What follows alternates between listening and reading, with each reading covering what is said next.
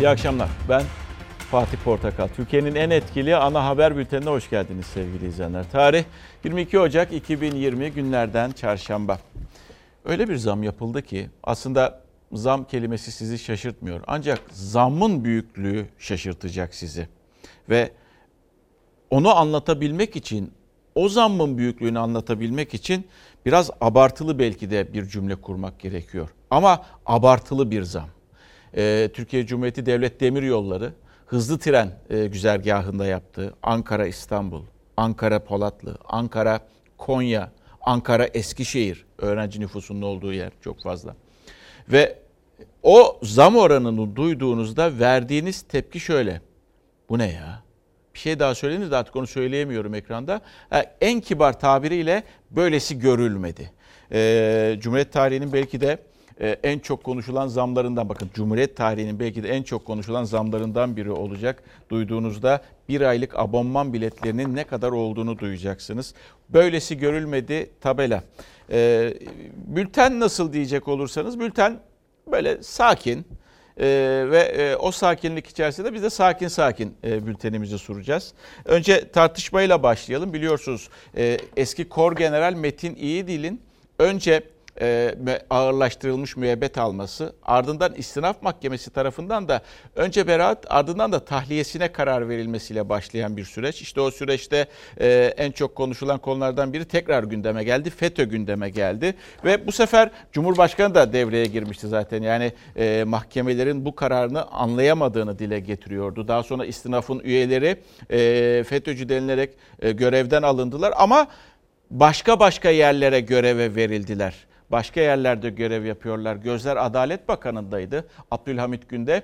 Süreci saygıyla beklenmesi gerektiğinin altını çizdi. Biraz da sağduyulu bir açıklamaydı ee, Abdülhamit Gül'ün açıklaması. Tabii e, bir diğer önemli parti e, Saadet Partisi Temel Karamollaoğlu hakimler ne yapacaklarını şaşırdı cümlesi aslında önemli bir cümleydi. Bu cümleyi unutmayınız. Haber sonrasında bir başka cümleyle bunu e, sabitlemeye veya doğrulamaya çalışacağız. Hakimler ne yapacaklarını şaşırdı. İki arada bir derede demek istiyordu. Ancak işte bunlar tartışılırken bir de Devlet Bahçeli'nin biliyorsunuz siyasi ayağın çıkması yönünde e, bazı e, cümleleri oldu. Ama o siyasi ayak bulunmalı derken, FETÖ'nün siyasi ayağı bulunmalı derken o yurtta sulh konseyi cümlesini de kurmuştu. İşte o cümle kurulunca zaten gözler ister istemez Meral Akşener'e geliyordu. O da bugün net bir şekilde bir kez daha altını çizdi. Kendisinin ima edildiğini belki de düşünüyordu. FETÖ'cü olmadığımı en iyi Erdoğan bilir dedi. Eğer ispatlayamıyorsan demek ki bunlar sende. Ya CHP içinde var, ya İP'te var, ya HDP'de var. Çıkar o zaman sen bunları, ispat et. Ne kadar uğraşırlarsa uğraşılsın benden bunu çıkaramayacaklar. Çünkü yok. Bunu da en iyi Sayın Erdoğan biliyor. Cumhurbaşkanı Erdoğan'ın İyi Parti'yi de katarak yaptığı FETÖ suçlamasına Akşener ses yükseltti. Hakkında açılmış FETÖ soruşturmasını da hatırlatarak. Meral Akşener'in şüpheli olduğu dava 3,5 yıldır tık yok. Dilekçe veriyoruz benim ifademi alın. Kardeşim bu iddianame azlanamaz mı? Vallahi hani aa bizle eğleni. Bunu muhalefete yüklemenin bir mantığı olmaz. Konuya iktidar artık kendi siyasi menfaati yönünden yaklaşıyor. Kimse benim yan yana karşı karşıya tokalaşırken fotoğrafımı bulamayacak yok. FETÖ FETÖ FETÖ diyerek FETÖ işini işte sulandırıldı. Herkes aynaya baksın. Telefon dinlemeleri yapanlar, şunlar bunlar yani işin e, bürokratik boyutu ne yapmış ki bugüne kadar gökyüzüne mi bakmış? FETÖ'nün siyasi ayağı tartışması Bahçeli'nin FETÖ'nün siyasi ayağı temizlenmeli çıkışıyla alevlendi. CHP meclis araştırma önergesi verdi ama AK Parti ve MHP oylarıyla reddedildi. Tartışma Cumhurbaşkanının Kılıçdaroğlu'na bizde yok ya CHP ya İyi Parti ya HDP içinde yanıtıyla yeni bir evreye taşındı. Sürekli bir sakız çiğneme hali var. Bir süre sonra bumerang gibi ilgililerin boynuna geçer. Yurtta Sulh Konseyi'ni incelerseniz siyasi ayağı da bulmuş olursunuz. Yurtta Sulh Konseyi'ni araştırmak için de bir araştırma önergesi verdik. Küçük ve büyük ortak tarafından reddedildi. Madem mecliste bu iş istenmiyor, götürecekler, verecekler savcılara. FETÖ'nün sadece siyasi ayağı değil, yargı ayağı da tartışılan başlık. Bunların hepsinin talimatlarını da verdik. Kararlar doğrudan doğruya Cumhurbaşkanlığı tarafından alınıyor. Ancak üçüncü sınıf derebeyliklerde böyle kurallar olur. Yerel mahkemenin müebbet verdiği, istinafın beraat ettirdiği ve itiraz üzerine tekrar tutuklanan Metin İyidil için Cumhurbaşkanı'nın talimat verdik açıklaması, beraat veren hakimlere FETÖ'cü suçlaması gündemde.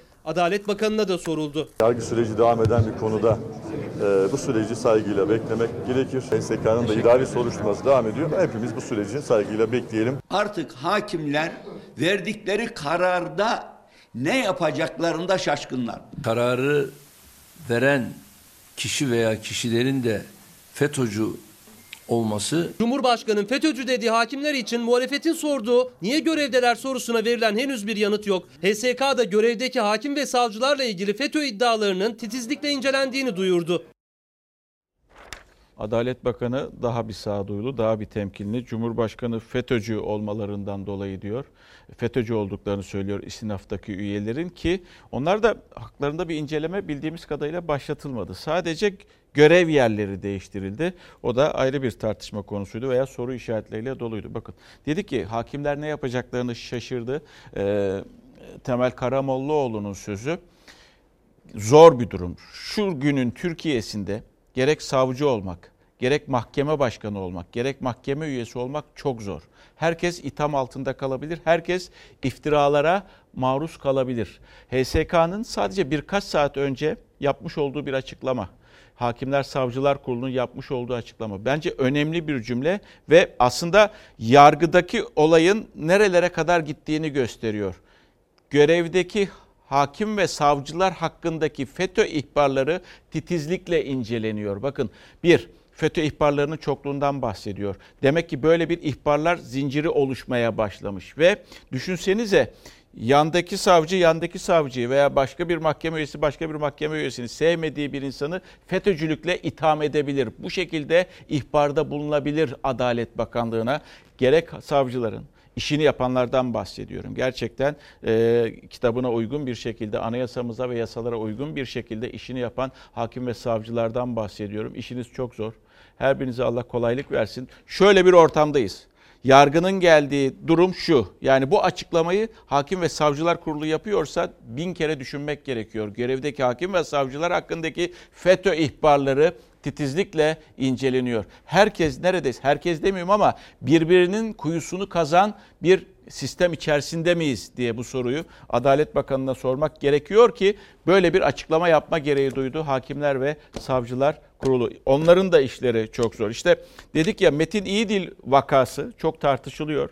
Yani tartışılmayacak gibi de değil çünkü çok soru yani tek bir soru var daha doğrusu çok soru değil. Yani ağırlaştırılmış müebbet cezası verilmiş bir kişi yerel mahkemede istinafa gittiğinde tamam karar belki değişebilir ama beraat ve ardından tahliyesi nasıl olur diye bu soruyu sormadan edemiyorsunuz. Ana muhalefetin de gündeminde Metin İyidil olayı 2015 senesine gidiyor ana muhalefet ve diyor ki Metin İyidil e, kor general yapılırken EDOK'a getirilirken terfi alırken yani altında o yaş kararlarının yaş kararlarının altında kimin imzaları vardı diye soruyor. Metin İyidil hakkında MİT Genelkurmay'a FETÖ'cülüğünü belgeleyen bir rapor gönderiyor. Ne zaman? Darbeden önce. Bu FETÖ'cüdür raporuna rağmen 2015 yaşta Metin İyidil'in görevine devamı sağlanıyor. Bu görmezden geliniyor. Bu rapor ortadan kaldırılıyor. 15 Temmuz FETÖ'cü darbe girişimine katıldığı gerekçesiyle TSK'dan atıldı, ağırlaştırılmış müebbet hapse mahkum edildi. İtiraz üzerine beraatine karar verildi ama hemen sonrasında bir gün içinde beraat kararı kaldırılıp yeniden tutuklanarak cezaevine konuldu. Gündemi sarsan o isim eski Kor General Metin İyidil. MİT demiş ki bu FETÖ'cü, bu tehlikeli. Ey Genelkurmay, ey Milli Güvenlik Kurulu al sana belge. Sonra sen ne yapmışsın? Genelkurmay'ın en stratejik birimine Metin İyidil'i atamışsın. Arkasından kendisi istifa ediyor. istifası kabul edilmiyor. Sonra bu paşa yargılanıyor. 15 Temmuz hain kalkışmasından sonra müebbet hapis cezasına çarptırılıyor. Muhalefet yargının çelişkili kararları ve Cumhurbaşkanı'nın dikkat çeken çıkışından sonra hakkında hazırlanan iddianame üzerinden Metin İdil dosyasını açtı. Yer Yüksek Askeri Şura Salonu Ağustos 2015. Metin İdil EDOK Eğitim Doktrin Komutanlığı'na atanıyor. CHP kurmayı Engin Altay 15 Temmuz darbe girişiminden 11 ay önce 23 Haziran 2015 tarihinde MIT'in genelkurmaya gönderdiği FETÖ'cüdür raporuna rağmen İdil'in Ağustos Şurası'nda terfi ettirilerek çok kritik bir göreve Eğitim Doktrin Komutanlığı'na nasıl getirildiğini aktardı iddianameden. Metin İdil'in Eğitim Doktrin Komutanlığı'na atanma belgesinin altında kimin imzası varsa siyasi ayak odur. Genelkurmay çatı davasından ayrı tutulan Metin İyidil'in dosyasında darbecilere destek verdiği ve darbe girişiminin başarısızlığa uğratıldığı saatlerde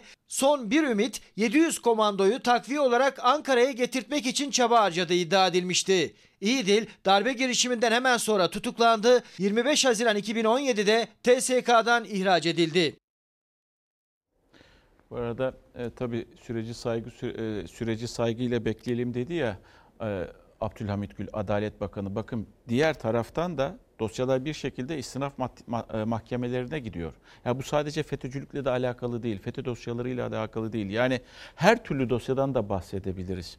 Ve o istinaf mahkemelerinin büyük umutlarla kullanılan e, yargın üzerindeki yükü alacağı söyleyen istinaf mat- e, mahkemelerinin de e, zan altında kalmasına, işlerini e, doğru dürüst yapan kişileri tabii ki ayırıyorum ama etkisizleşmesine neden olabilecek bir vakadan bahsediyoruz. Metin İyidil vakasını bir de bu yönden bakmak gerekiyor. İstinaf mahkemelerinin acaba bundan sonra gerçekten her önüne gelecek dosyayı aynı titizlikle kitabına uygun, anayasaya uygun, yasalara uygun bir şekilde sanığın da lehine olabilecek, sanığın da lehine olabilecek bir şekilde karar alabilecek mi sorusunu da bir sormak gerekiyor. Bu olay e, gerçekten e, çok tartışılacak bir konu oldu. Geldik e, bir karar çıktı biliyorsunuz. FETÖ'nün yapılanması adına e, yapılanması için de siyasetçileri, sanatçıları, gazetecileri ve iş adamlarını e, dinledikleri iddia ediliyordu birçok emniyet görevlisinin e, ve onlar hakkındaki dava sona erdi. E, Ankara 4. Ağır Ceza Mahkemesi'nde görülüyordu dava. İşte Ramazan Akyürek onlardan biriydi e, ki kendisi eski istihbarat daire başkanıydı. 45 yıl hapis cezası aldı. E, Ali Fuat Yılmazer o da e, eski emniyet müdürü. O da e, 7 yıl 6 ay. Yurt Atoy'un o ismi de çok duyduğumuz bir isim. O da 7 yıl 6 ay hapis cezası aldılar. Yerel mahkeme bu şekilde kararını verdi sevgili izleyenler. Geldik. Mesela bir vatandaş şu şekilde özetlemiş olayı. Yener Bey diyor ki insanlar gıcık aldı yani amiyamene tabirle bu şekilde söylüyor. İnsanlar hoşlanmadı. E, her kim olursa olsun birbirini FETÖ'cülükle suçlayabilir. Böylesi görülmedi. Olabilir. Özellikle yargıda e, bunu, emniyette bunu veya kamu kurumlarında bunu fazlasıyla e, görebiliriz. Artarak görebiliriz. E, tabii bir de bu hafta, geçtiğimiz hafta ile birlikte çok konuşulan konu acaba seçim olur mu 2020'de? İşte 2020'nin olursa ne zamanında olur? 2021'de olur mu? Veya zamanda gerçekleşir mi, gerçekleşmez mi? Şimdi konu seçimden ziyade, seçimin tarihinden ziyade yönetim sistemi değişir mi, değişmez mi geldi. Yani bir taraftan seçimi tar seçimi tartışıyorduk. Bir baktık ki biz yönetim yani Cumhurbaşkanlığı hükümet sistemini tartışır hale getirdi muhalefet bizi. Ve işte o e, sözlerden bir tanesi e, Meral Akşener'den geldi. Bu sözünde de çok iddialı. Bunu e, Akdeniz e, turunda da söyledi. Ankara'da da söyledi bugün e, temsilcilerle bir araya geldiğinde. Parlamenter sisteme Erdoğan atı, adım atacak dedi. Olur mu? Bilemiyoruz. 2019 değerlendirme toplantısına baktığımızda olmayacakmış havası var. Peki e, bir diğer önemli isim Saadet Partisi lideri e, Temel Karamollaoğlu bu, bu konu hakkında ne düşünüyor? Kararı verecek olan Erdoğan'dır görüşünde. Ben Sayın Erdoğan'ın 2023 veya ne zamansa bugünkü Cumhurbaşkanı hükümet sistemiyle seçime gittiğinde seçilemeyeceğini görüyorum. İyileştirilmiş ve güçlendirilmiş parlamenter sisteme Sayın Erdoğan'ın geçeceğini düşünüyorum. Sayın Cumhurbaşkanı da partisinin ve kendisinin faydalanacağı bir ortamı kollayacak. Erken seçim dosyası yeniden açılırken İyi Parti lideri Meral Akşener ise Cumhurbaşkanlığı hükümet sistemiyle Erdoğan'ın seçim kazanamayacağını, o yüzden olası bir seçim öncesi güçlendirilmiş parlamenter sisteme geçiş yapacağını söyledi. Seçim kazanmaya yönelik sorun var. Ben Sayın Erdoğan'ın sağduyusunun galip geleceğine inanıyorum. Burada kararı bir kişi verecek.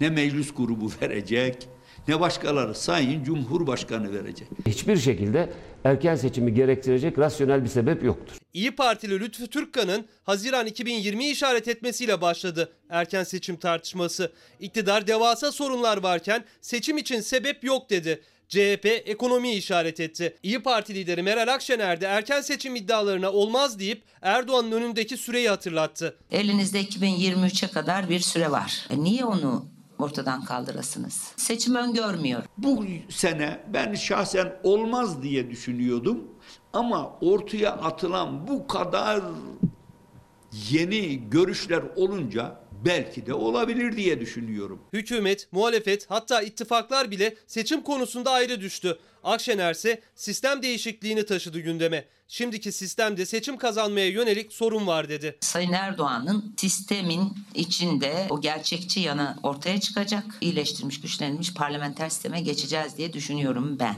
Seçimi kazanmak için Erdoğan güçlendirilmiş, iyileştirilmiş parlamenter sisteme geçiş adımını kendisi atacak dedi. İttifak için şartını da söyledi. Cumhuriyet Halk Partisi, AK Parti hep beraber bir masaya oturulup sistemi kurulmalıdır ki herkes mutlu olsun. Diyelim ki Cumhurbaşkanı hükümet sistemi üzerinden gidildi seçime. İyi Parti'nin ittifak içinde yer almasının ön şartı parlamenter sisteme dönmek şartıdır. Televizyon ve gazete temsilcileriyle buluşmasında yeniden Cumhurbaşkanı adayı olacak mısınız sorusu da yöneltildi Akşener'e. İnatla ben ben ben deme gibi bir yönüm yok. İnsanları üzen taraf olmayız. Biliyorsunuz ön koşullar bile açıklanmaya başlandı.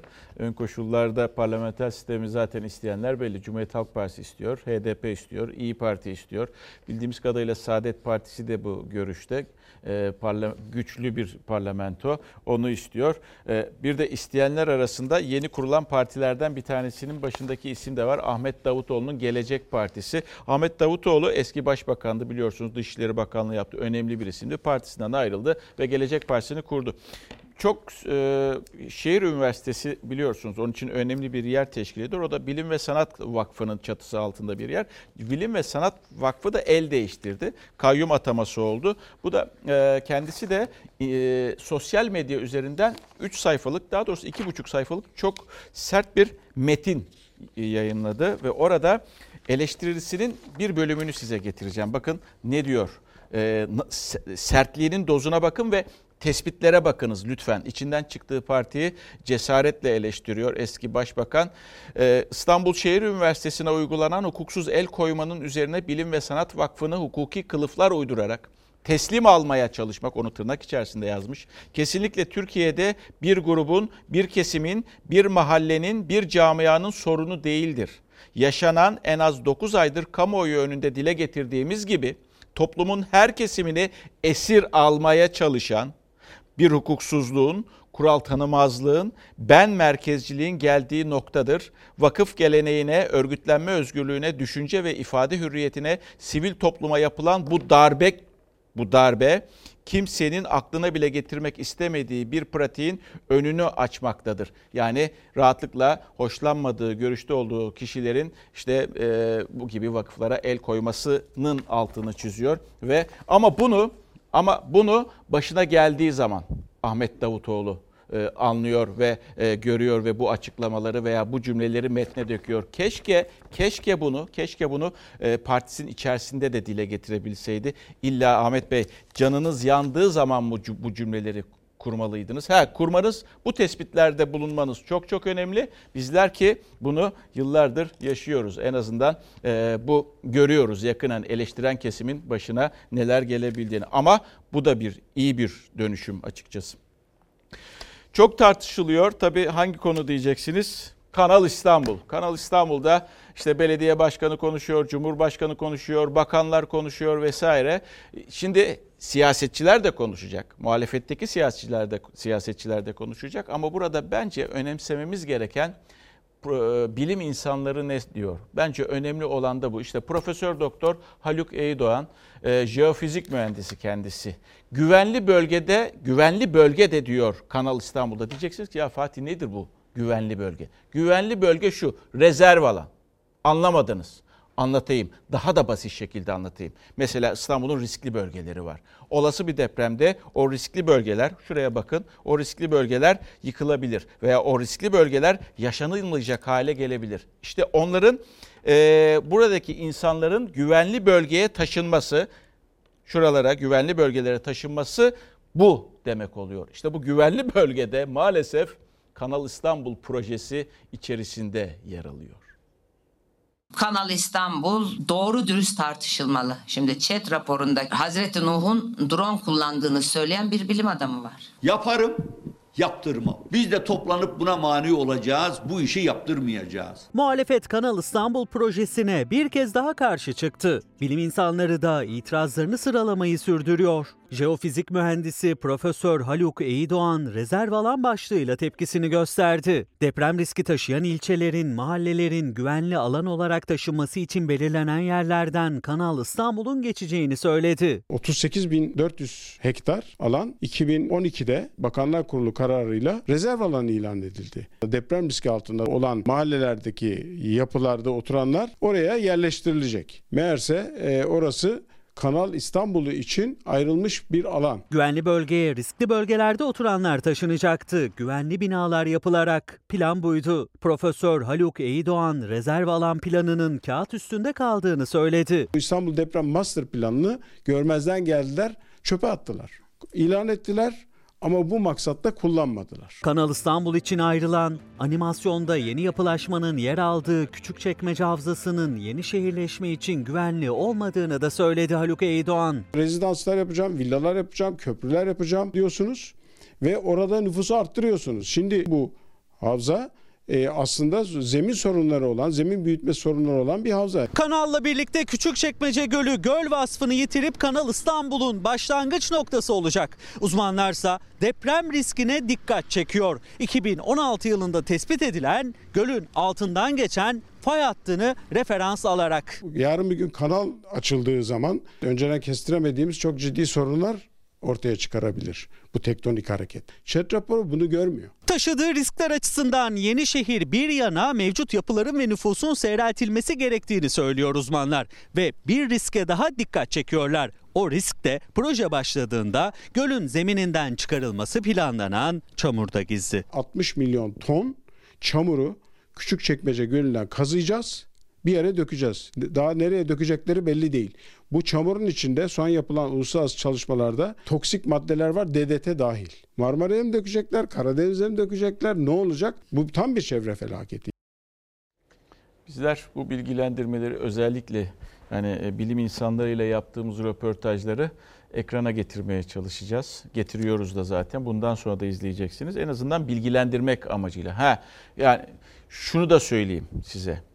Ee, eğer varsa ya bu proje çok faydalı bilim insanı olarak ee, şöyle şöyle yapılması gerekiyor, böyle böyle yapılması gerekiyor. Deprem riski kesinlikle yok. Onlar hepsi e, uydurmadır vesaire. Benim elimde bilimsel veriler, raporlar var diyen bilim insanları da varsa bizlere ulaşabilirler. Onların da seslerini aynı şekilde duyurmuş oluruz. Önemli olan vatandaşa yanıltmadan, tabii onları biz doğruladıktan sonra yanıltmadan bu bilgileri paylaşabilmek. Dün Naci Bey'e verdik. Bugün işte hocamızı veriyoruz, Halik Hoca'yı veriyoruz. Yarın da devamı gelecek. Ondan sonraki günlerde de devam gelecek. Şimdi bir mesaj var vardı. Valla bu sorunun cevabı bizde de yok. Ayvalık'tan göndermiş Hüsnü Bey diyor ki e, Ali Babacan partiyi ne zaman kuracak? Meraktayız. Kolay gelsin demiş. Biz de bilmiyoruz. Ocak başı gibi kuracaktı partiyi. Ancak Şubat'a kaldı diye biliyoruz. Yani Şubat başı diyenler de var. E, o da parti kurma hazırlığında vazgeçti mi? Hayır vazgeçmedi. Ee, öyle bir soru e, soru varsa kafanızda. Ama herhalde Şubat başını bulacak gibi bulacak gibi görüyoruz. Şimdi geldik e, önce doğalgaz, ardından e, elektrik haberi gelecek. Sonra da Ankara'daki yüksek hızlı tren e, haberi ekrana gelecek. Önce doğalgaz diyeceğim. Biliyorsunuz kış geldi.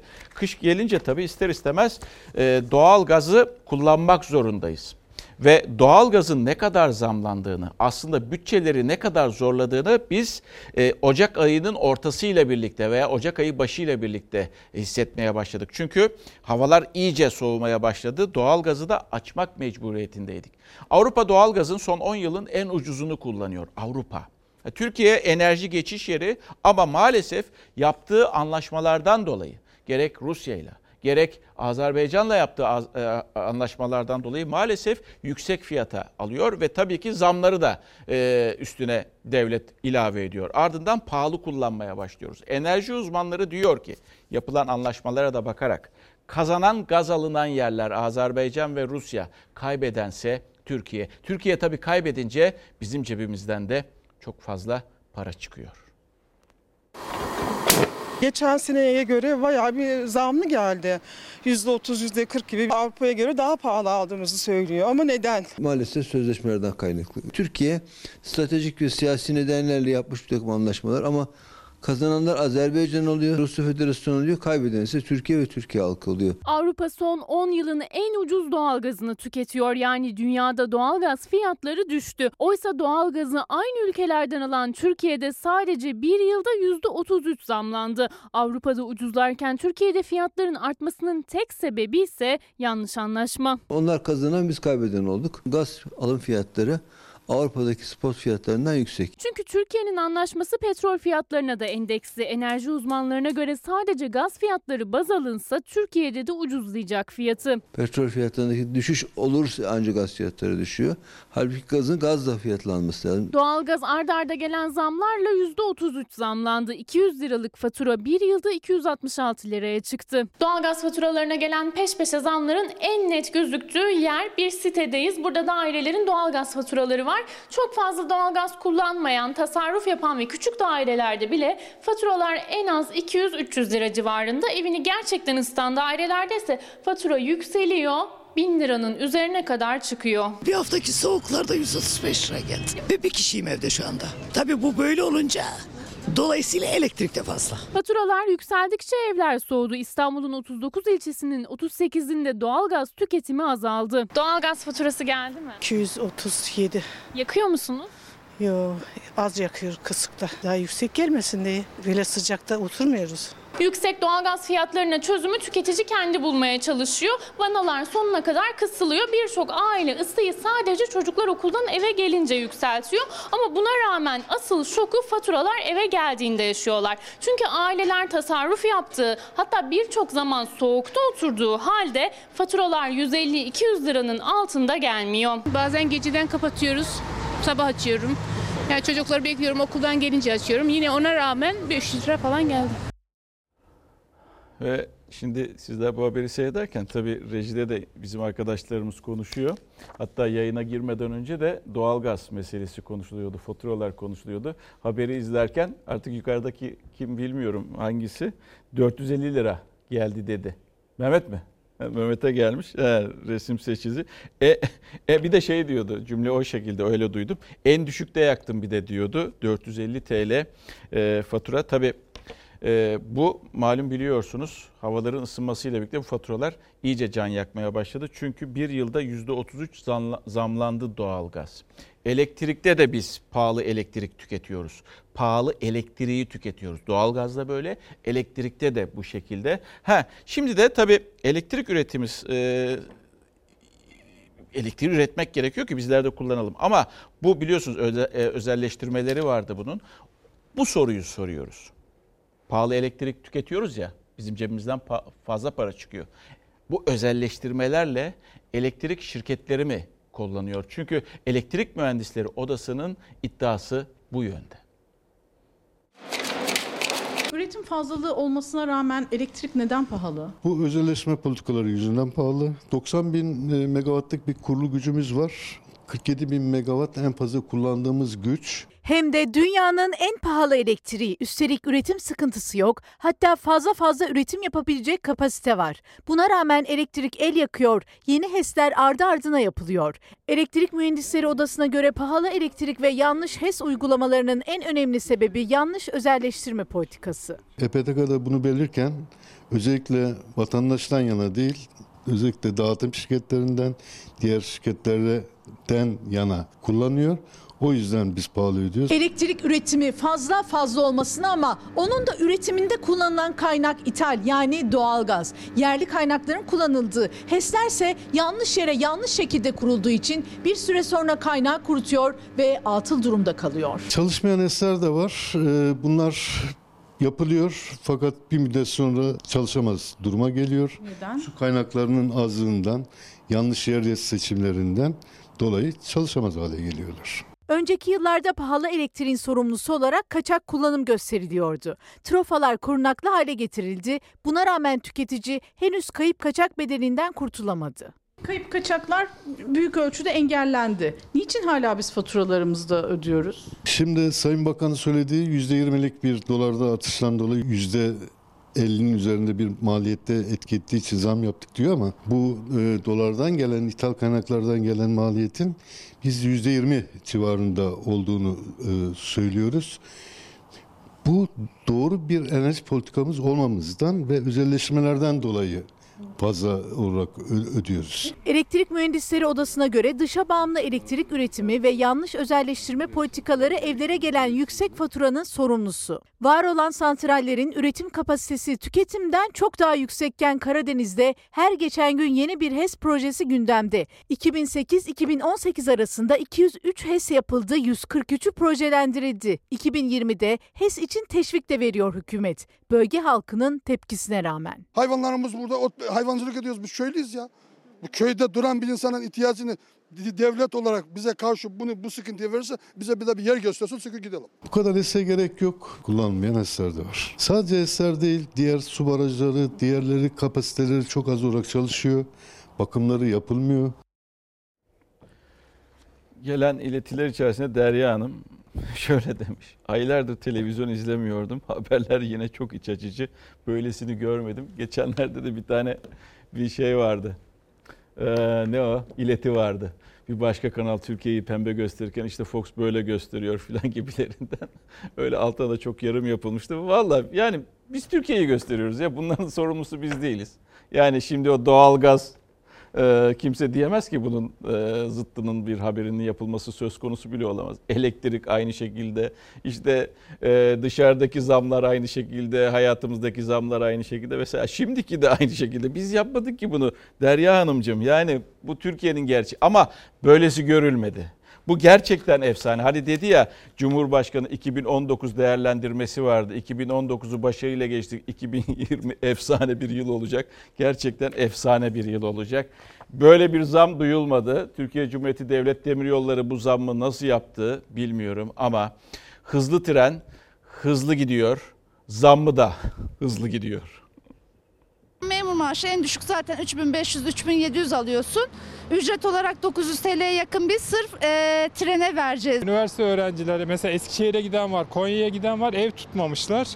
Sırf tren daha hesaplı diye şimdi bu çocukların hepsi mağdur durumda. 1600-1700 lira abonman ödemek zorunda kalacaklar. İşçi, memur, öğrenci her gün binlerce yolcu hem zamandan hem de yol masraflarından tasarruf yapmak için tercih ediyordu. Ankara Polatlı, Ankara Eskişehir, Ankara Konya güzergahındaki yüksek hızlı treni ama yeni güne abonman kartlarına yapılan %300'lere varan astronomik zamla uyandılar. Kiram 800 lira. Benim kiramdan fazla yol parası ödeyeceğim. Birçok arkadaşımız e, gidip geliyor ve asgari ücretle çalışıyor. Birçok insan işini kaybedecek. Bu kadar fiyatları yükseltmek insafsızlığın da dışında bir şey yani. Örneğin Ankara Polatlı hattında günde yüzlerce yolcu yüksek hızlı trenle seyahat ediyor, abonman kart kullanıyor. Ancak bugüne kadar bu yolculuk için ödedikleri 220 liralık ücret bundan böyle 877 lira 50 kuruşa yükseldi. Yani %300 zamlandı. Oo, eyvah eyvah. Halimiz çok kötü. Çoluk çocuğumuzun rızkını buraya fazladan vermiş olacağız. Zaten memura verilen zam belli. Yolcular 30 günlük abonman paketleriyle indirim avantajlarından da faydalanarak yapıyordu yolculuklarını. Ama artık zamlı biletler Ankara Eskişehir, Ankara Konya arasında 480 lira olan abonman fiyatı %251 artışla artık 1687 lira. Ankara İstanbul arası ise 1747 lira zamlanarak 2100 liradan 3847 liraya çıktı. Ulaştırma Bakanlığı'na göre yolcu ücretlerine bir zam yapılmadı. Yalnızca abonman kartları uygulanan indirim oranları düşürüldü. Zam değil indirim oranını azalttık demek e, bence kelime oyunu. Bu zam bal gibi zam. Biraz tuhaf geldi bana.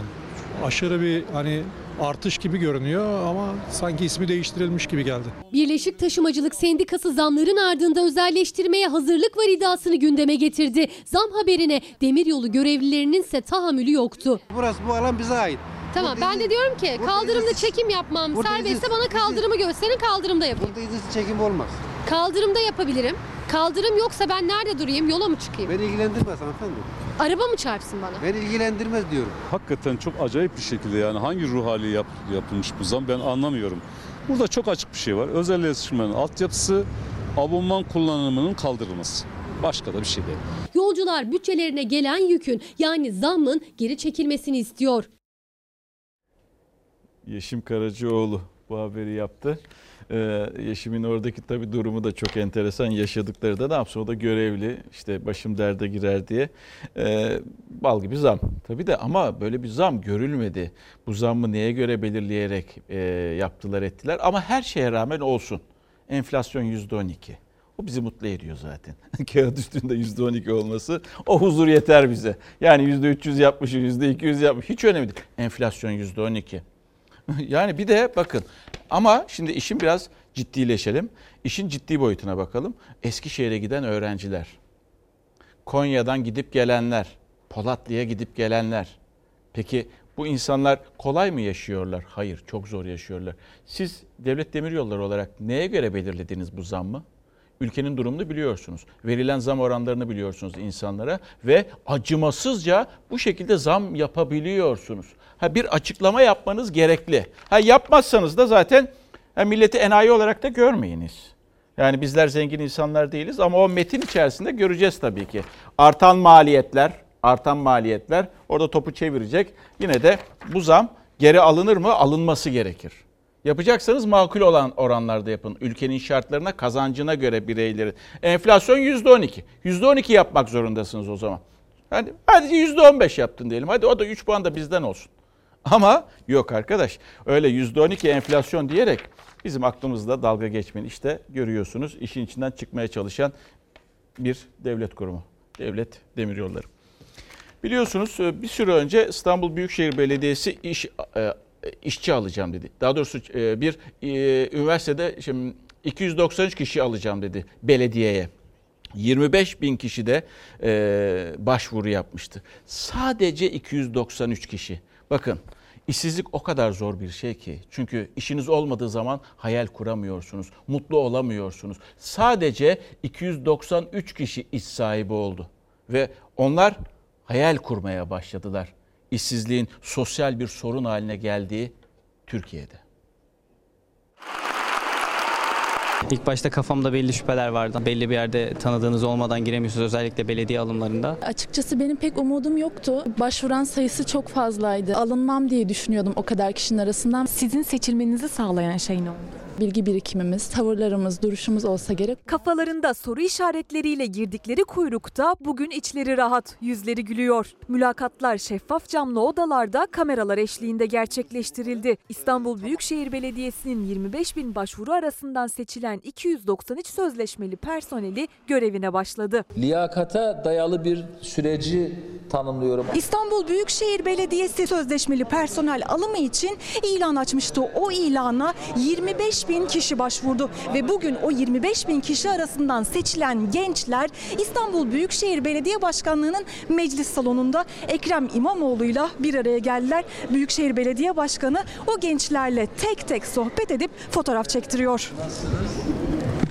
Avukattan mimara, mühendisten öğretmene kadar birçok pozisyonda İBB'de işe girmek isteyenler belediyenin Saraçhane'deki binasının önünde uzun kuyruklar oluşturmuş, ellerinde belgeleriyle soğukta saatlerce beklemişlerdi. Gerçekten o kadar yüzdelik olarak şanslı bir kesimdeyiz ki oldukça kötü halde ülkenin durumu, işsizlik oranı, genç işsizlik oranı. İşsiz olduğunuz dönem oldu mu hiç? Evet, 2012 mezunuyum. Yaklaşık 8 yıldır iş arıyordum. 2017 Sosyal Hizmet Bölümü mezunuyum. Bizim özel sektörde de istihdam sayımız çok az. Ben inşaat mühendisliği mezunuyum. Bir yıla yakın Kimi aylarca, kimi de yıllarca işsiz kaldı. Her biri üniversite mezunu, bazıları bir değil üç diploma sahibi. Ancak işe girebilmek için çaldıkları her kapıdan hayal kırıklığıyla döndüler. Şimdi mezun oldukları bölümlerde kendi alanlarında işe başladılar. Eğitim Fakültesi Edebiyat Öğretmenliği mezunuydum. Ardından sosyoloji okudum. Sonra çocuk gelişimi okudum. Üç diplomanız. Evet, 3 diplomam var. Yabancı dil kaç tane? İngilizce, çocuk gelişimci olarak işe alındım. Şu an gerçekten hayalimi yaşıyorum. Kendi alanımda çalıştığım için çok mutluyum. Halka hesap verdiğinizi, vermek zorunda olduğunuzu unutmamalısınız.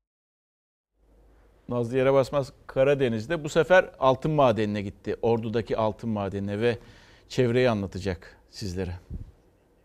Yaşadığımız yemyeşil yerlerin çöl olması. Bir de aranacak hani o maddenin siyanürle herhalde aranacak olması hepimizi tedirgin ediyor. Orayı gördüm geçen içim sızladı. Buranın da öyle olmasını istemiyoruz. Ben dün babamı kaybettim. Şimdi onun yanından geliyordum. Babam abi böyle çalı kadar kaldı.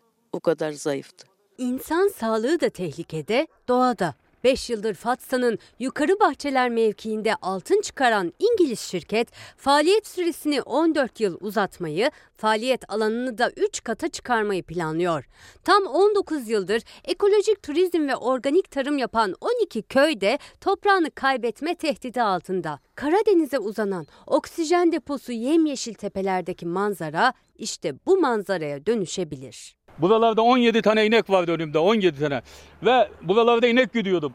Ya ne oldu bu ormanlar ne oldu? Biz burada butik turizm yapıyoruz. 10 kişi telefon açar der ki biz bu köyde 10 gün kalmak istiyoruz der. Hemen biz organize oluruz. Buranın bir adı da havai berrahtır. Havası güzel olan berrak bir hava. Gübresiz, ilaçsız e, tarım yapan, e, fındık yetiştiren e, lisanslı yerlerimiz var. Tarım ilacı ve gübreden dahi korudukları topraklarına siyanür damlayacak. İlçelerinin bir diğer tepesinde olduğu gibi kestaneleri fındıkları kesilecek. Oysa Ordu'nun Fatsa ilçesindeki o 12 köyde yıllardır ekolojik tarım ve turizm yapılıyor. Organize yaşam alanı ilan ettikleri bölge Türkiye'de tek. Bulunduğumuz köy Kabakdağ ve çevre köylerde arkamdaki konak gibi butik otel ve ev otellerde turistler ağırlanıyor. O turistler hem temiz hava soluyup hem de doğa ve ekolojik tarım hakkında bilgileniyor. Yani köyler ekonomik olarak da kalkınmış köyler. Ama eğer maden gelirse ellerindeki o ekonomik gücünde gitme tehlikesi var. Şimdi bizim amacımız para kazanmak değil. Bizim amacımız yaşamak. Bütün yaptığımız çalışmaların temelinde bu var. Yaşamak için yapıyoruz. Çemi ocak şeyim brale.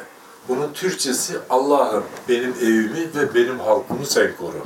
15 köy, 729 dönüm tarım alanı, 1140 dönüm ormanlık alan olmak üzere tam 275 futbol sahası büyüklüğündeki alan çoraklaştı Fatsa'da ve daha fazlasının da toprağına suyuna siyanür karıştı.